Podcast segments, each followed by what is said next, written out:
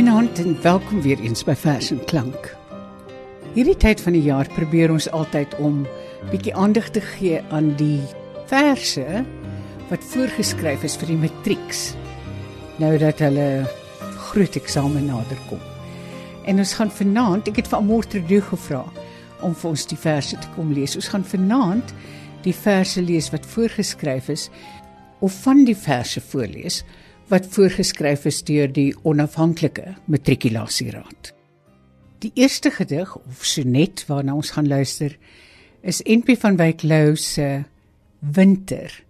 Dit is 'n gedeelte uit sy vier gebede by jaargetye in die Boland. Vier wonderlike verse. 'n Mens moet dit dalk steeds sien as deel van hierdie vier seisoene. Dit is gepubliseer in die Halwe Kring 1937 en dit is min of meer ook wanneer hy dit geskryf het in daardie jaar seker. Kom ons luister hoe lees Amor Trudeau vir ons Winter van NP van Wyk Lou. Nou lê die aarde nagte lank en week in die donker stil genade van die reën. En skemerhuise en takke daliks bleek deur die wit mistigheid en suising heen. Dis alles ryk en rustig van die swaar geheime wasdom wat sy paie vind deur warm aarde na elke skuut en blaar.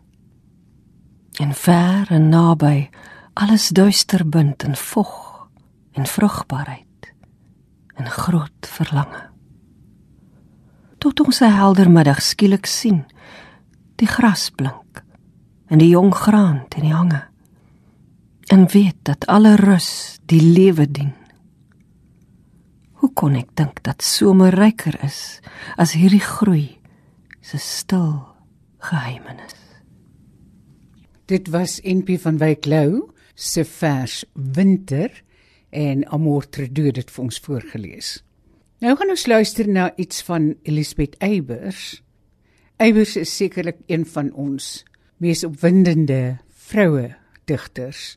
Ons is baie geseënd met baie opwindende vroue digters. Die vers van ons gaan luister kom uit haar bundel Die vrou en ander verse van 1945 en sy noem dit herinnering. As kind het ek eens die maan se ronde skuif langsaam sien uitswel bo die silwer vlei om saggies soos 'n seepbel weg te dryf en tussen uilpopliere in te gly. Agter my in die donker was 'n raam vol lig en mense stemme en gelag. En in my angs en weekheid sonder naam terwyl ek op die maan se loskom wag. Die res is alles duister en verward. Van tak tot tak het hy gewig. Ek weet nog net dat die gekneusde gras geur soos naaltjies was en dat ek skielik seer gekry het van die inkrimp van my hart en met my pols die trane weggevee het. Dit was Elisabeth Eybers se vers Herinnering. Ek dink altyd een van die moeilikste verse vir die voorleser of voordraer in Afrikaans is Sheila Cousins se Christ of the Burnt Men. Sy het dit geskryf in 1978 en is gepubliseer in Die Swart Kombuis. Jy sal my ook al hoe meer wen. Glimlaggende skertsoog, blinkoog Christus. Wat my vervaarde jare op jou afstand gade geslaan het. Jy het jou hande nie toe uitgesteek toe ek jou singende wonde aan my lyf ontvang het nie. Maar vel jou kruis geteken oor my. In hand en voet en romp en hoof. En deur die beswyming onder druppende bloedplasma en soutwatersakke kom skyn voor my. Met net die trekking van 'n glimlag van uiterste pyn om die mondhoeke. Jou oë blink van 'n verskriklike akkoord. En ek begryp Jy het my geteken vir die avontuur van jou. Ek wat vuur bemin en altyd waaghalsig was. O wat is die brand in brein en hart wat brandender brand as die vlam aan die lyf en wat gaan gloei in klip en sand onder my eenvoetig springende begrip agter jou sagsinnigheid aan. Nee.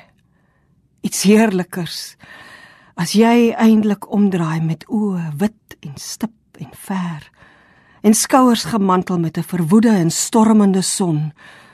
O my kosmiese Christus.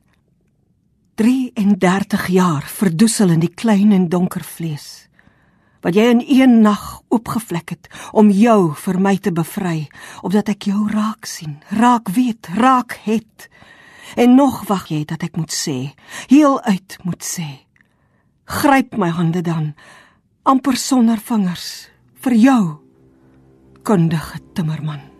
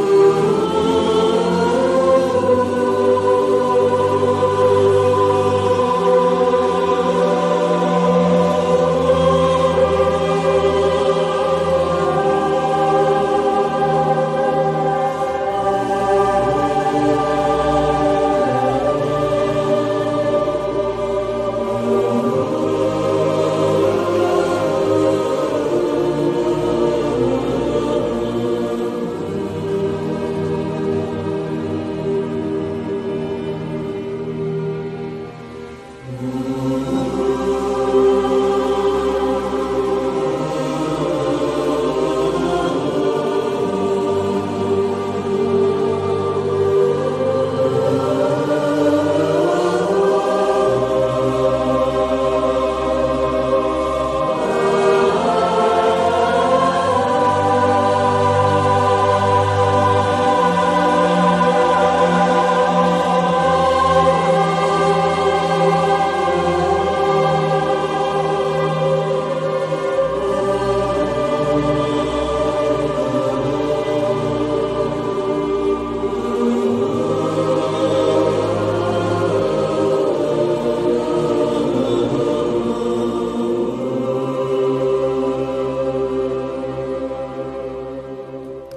Trudeau het vir ons Sheila Cousins se vers Christ of the Burnt Men voor die musiek gelees.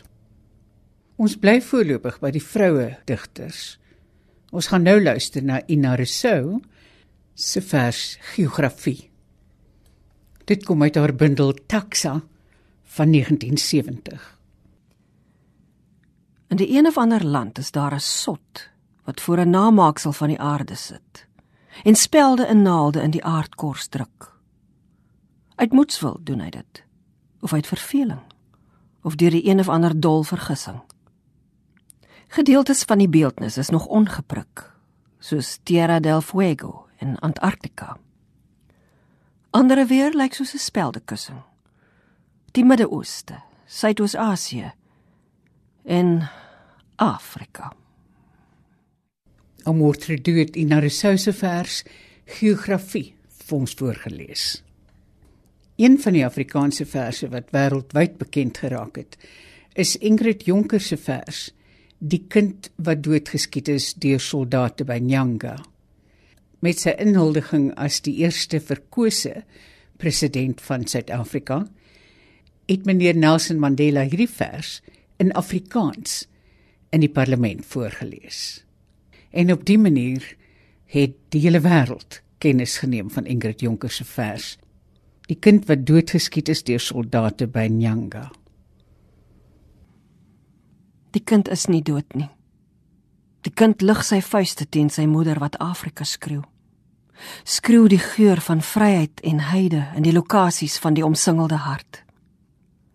Die kind lig sy vuiste teen sy vader in die optog van die generasies wat Afrika skreeu skreeu die geur van geregtigheid en bloed in die strate van sy gewapende trots. Die kind is nie dood nie.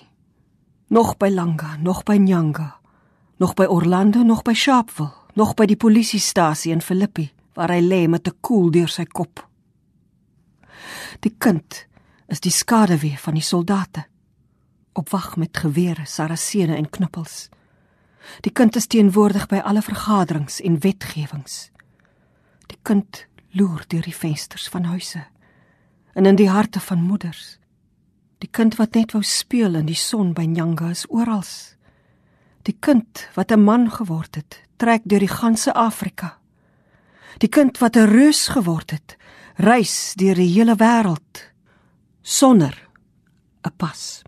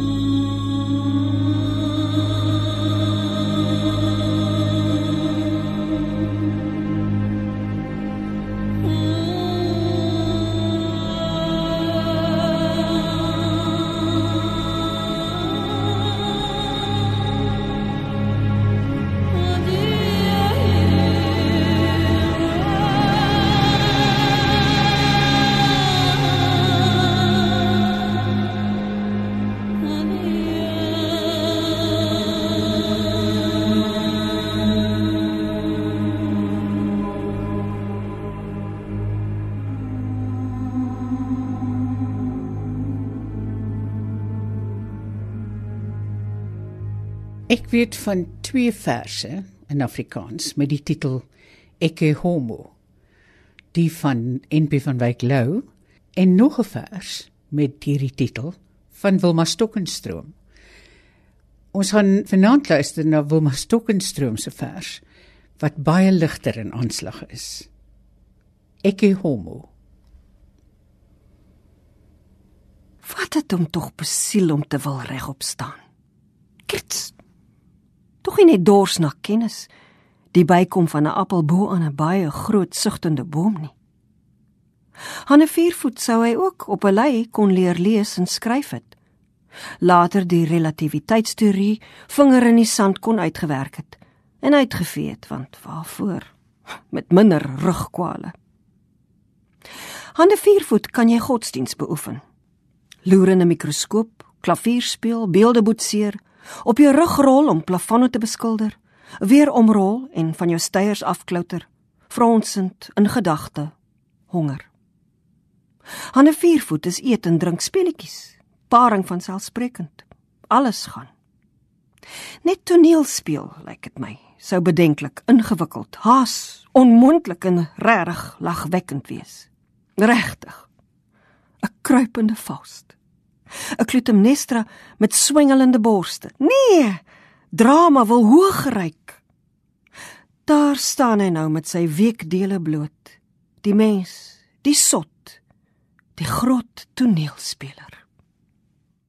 Amor treduurt vir ons Wilma Stokkenstroom se vers Ecce Homo gelees. Ons luister vanaand na die verse wat vir die matrieks voorgeskryf is die matrieks wat die onafhanklike matrikulasieraad se eksamen gaan skryf. Praat van meer as een vers met dieselfde titel. Die blondine Marilyn Monroe het baie digters geïnspireer om oor haar te skryf. Ons gaan vanaand na twee verse luister. Die eerste ene is van Lina Spies en sy noem dit Marilyn Monroe foto in goud die kleur van heuning en van hars, van seesand by 'n somersee. Kartels ou goudse rooi streel alle Botticelli se Venus, die slank nek. Die badjas gee niks bloot wat dit bedek. Daar is tinte branderblou waar die skuimwit handdoekstof oor hals en skouers val. En waar dit wegskuif is onopsigtelik die regterbors.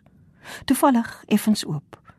'n paar los hare vee tot teen die lagplooitjies om die linkeroog met sy helder, onbevange blik onder die breë wenkbrauboog. Die hande palms op mekaar is soos van 'n kind wat inslaap. Die kenmerkende gebaar of soos vir handeklap gelig. Die glimlag is skaars, kyker en kamera gerig. Dit is maar skyn dat ek poseer. Mooi is ek, lewensbly en eg. Oor jou, Merlin, het ek nooit geswemel. As tiener jou nie in my sterboeke geplak. Maar nou met eens deur die een foto geraak, wil ek vir die duur van die gedig jou ook as ikoon vereer. Laat digters vir wie jy muse en kultus is, wat met die dood flankeer, met slaap hulle speel en met die see, besef voor die blond gebleikte prikkelpop groot geverfde mond, beauty spot, pendun wenkbroue. Was jy 'n goue meisie, rossig in die son? Lina Spiese vers Marilyn Monroe foto in goud. En ons gaan afsluit met 'n vers van Joan Hambidge wat ook geïnspireer is deur Monroe. En hierdie vers noem Hambidge Marilyn Monroe foto in rou. Beskeie wag ek vanaand 'n gedig oor jou. Nee, eintlik vir jou. Ek wou begin die argetipiese seksgodin wat ander voor en na leepoog weg laat kyk. Besluit te dramaties. Gewigtig, lomp ensovoort. My onvermoë word nou net 'n oomblik lank opgehef wanneer ek met 'n skok Bert Stearns se LA foto's sien. Dat toeval hier net toevallig was, glo ek nie. Marilyn Monroe en rou.